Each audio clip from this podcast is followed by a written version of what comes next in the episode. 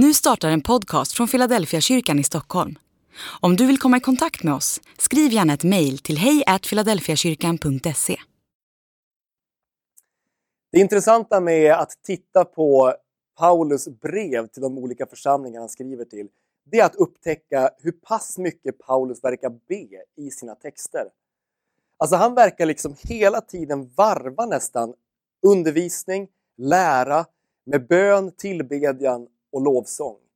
Och när man kommer in i den första delen av Paulus, Paulus eh, brev och text till, till församlingen i Efesos så märker man att gång på gång så glider han in i olika böner.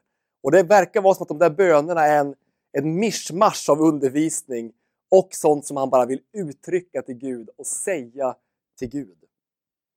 Det finns en präst och en teolog som heter John Stott som har skrivit i en av sina böcker att ett av de bästa sätten att upptäcka vad en kristen person verkligen bryr sig om och oroar sig för, det är genom att studera den personens böner och vad den ber om. Böner lär oss alltså viktiga saker om vad vi tror på för någonting. Jag tänker mig att som vi ber så tror vi och som vi tror så ber vi. Så när vi nu är inne i Fesebrevet och har kommit fram till Fesebrevets tredje kapitel så är det intressant att studera den bön som han ber, som Paulus ber i det här kapitlet. Därför att jag tänker mig att det finns både saker vi kan lära oss om bön generellt utifrån hur han ber, men det finns också saker vi kan lära oss om vad som är värt att på ett särskilt sätt lyfta fram i bön, i våra liv och i våra församlingsgemenskaper. Så jag ska läsa i Fesebrevet kapitel 3 och vers 14 till 21. Därför vill jag falla på knä för Fadern, efter vilken allt vad Fader heter i himlen och på jorden har sitt namn. Måtte han i sin härlighets rikedom ge kraft och styrka åt er inre människa genom sin ande, så att Kristus genom tron kan bo i era hjärtan med kärlek. Stå fasta och var stadigt rotade i honom, så att ni tillsammans med alla de heliga förmår fatta bredden och längden och höjden och djupet och lär känna Kristi kärlek som är väldigare än all kunskap tills hela Guds fullhet uppfyller er. Han som verkar i oss med sin kraft och förmår göra långt mer än vi kan begära eller tänka. Hans är härligheten. Genom kyrkan, genom Kristus Jesus, i alla, släkt, i alla släktled, i evigheters evighet. Amen. När man tittar på den här bönen så inser man att det första Paulus verkar göra när han ber för de kristna i Efesos, det verkar vara att han baserar hela sin förbön, hela sin bön, på Guds vilja och Guds löften. Så här börjar han sin bön i vers 14. Därför vill jag falla på knä för Fadern. När man läser breven i Nya Testamentet och hamnar vid ett sånt där ord som till exempel därför, då ska man bara stanna upp en liten stund och fundera på vad är det han vill koppla an till nu? Därför man säger ju inte ordet därför om man inte vill koppla an till någonting som man nyss har talat om och som man nyss har sagt. Och grejen är att i kapitel 1 så talar Paulus om vad Gud har gjort i och genom Jesus och han har beskrivit för oss vad det där betyder in i kapitel 2. Och i inledningen av kapitel 3 så har han till och med skrivit nyss om hur Gud har kallat honom, alltså Paulus själv, till att gå ut med budskapet till dem som ännu inte tror. Och utifrån vad han har uppfattat som Guds plan, Guds tanke och Guds vilja så ber han. Därför på grund av allt det här, säger Paulus, på grund av allt det här Gud har gjort, allt det här Gud vill göra, på grund av det här som Gud försöker med i den här världen genom Jesus Kristus. Därför vill jag falla ner på knä. Jag tänker mig att bön först och främst faktiskt handlar om att formas av Guds vilja. Att be utifrån hans ord och löften om mig och om oss. Självklart handlar bön om att vi får totalt slappna av i Guds närvaro. Självklart handlar bön om att vi får säga precis vad vi än känner i vårt hjärta till Gud. Gud kan hantera det. Det lär vi oss av Saltaren till exempel. Fantastiska texter som säger, där, där författarna säger precis vad de har på hjärtat, precis vad de tänker på till Gud. Men det finns också den här andra dimensionen av bön som är värd att lyfta fram och som jag tänker någonstans är grundläggande för vad bön handlar om. Och det är att bön handlar om att mer och mer få gå i samklang med Guds vilja, Guds löften, hans plan. Att bön inte enbart blir mitt rop till Gud, även om det är viktigt och självklart att vi ska ropa ut till Gud det vi vill säga till honom. Men att bön också får bli hans rop eller hans viskningar, hans röst, hans kommunikation till mig som jag får respondera på. Med andra ord så kan man faktiskt säga att bön verkar handla om att växa i någon form av ödmjukhet inför Gud. Vi märker att Paulus i någon mening lutar sig tillbaka mot Gud. Mot hans löften, mot hans plan, mot hans vilja.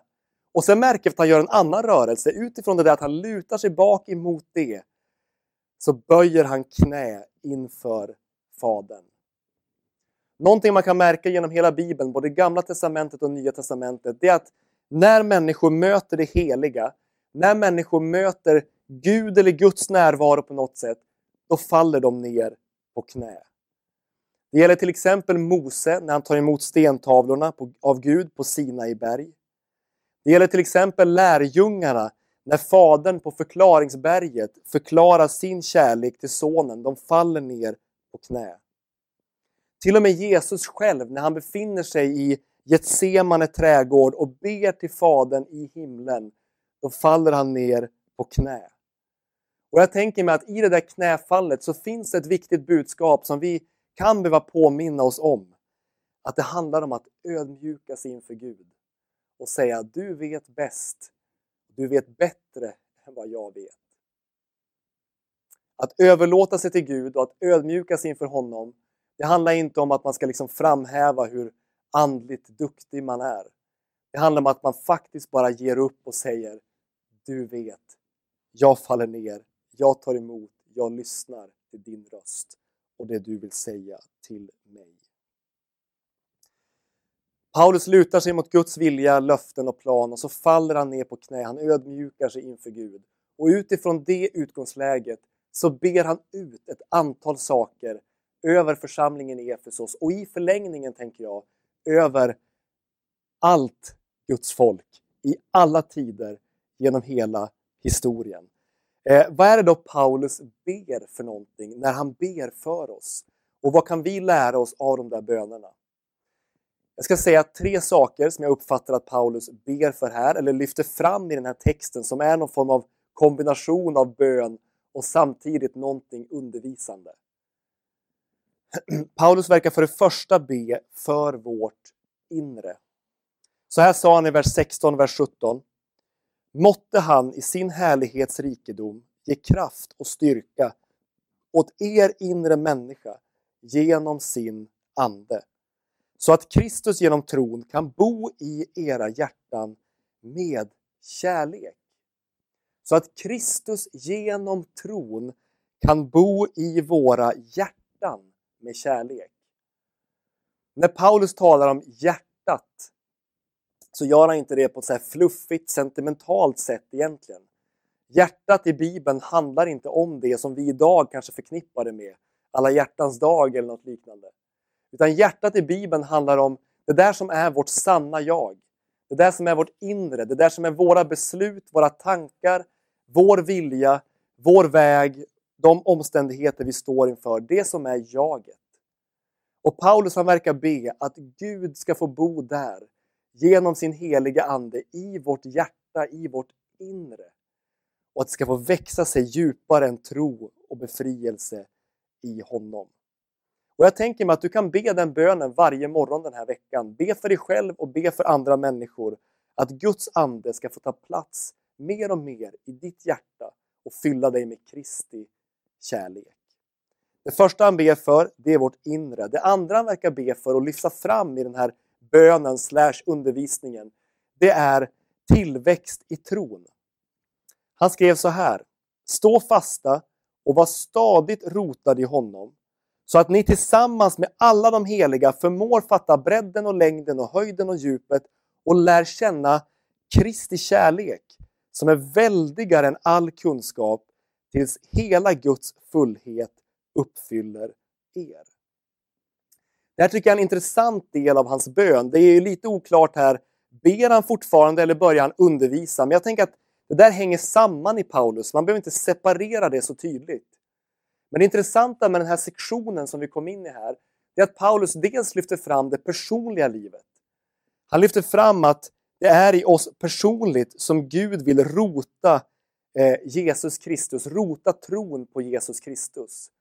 Men när han rotar oss personligt i Jesus Kristus så verkar han säga att det är i gemenskapen tillsammans med alla heliga som vi kan uppfatta och växa i kunskap om den väldiga kärlek som finns hos honom. Så han talar både om att vi personligt ska få växa i Jesus, rotas i honom allt mer, men att vi också tillsammans ska få se, wow, vad mycket det finns eh, hos dig Gud som vi kan få ta del av. Be varje morgon den här veckan om en större hunger efter mer av den kärlek som finns hos Jesus och be att du ska få se den genom andra människor, tillsammans med andra människor. Och till sist i den här bönen så är det som att Paulus bara återigen vill sätta vårt fokus rätt. Han lägger fram vårt fokus och försöker vrida det åt ett gudscentrerat håll. Han säger så här i vers 20. Han som verkar i oss med sin kraft och förmår göra långt mer än vi kan begära eller tänka.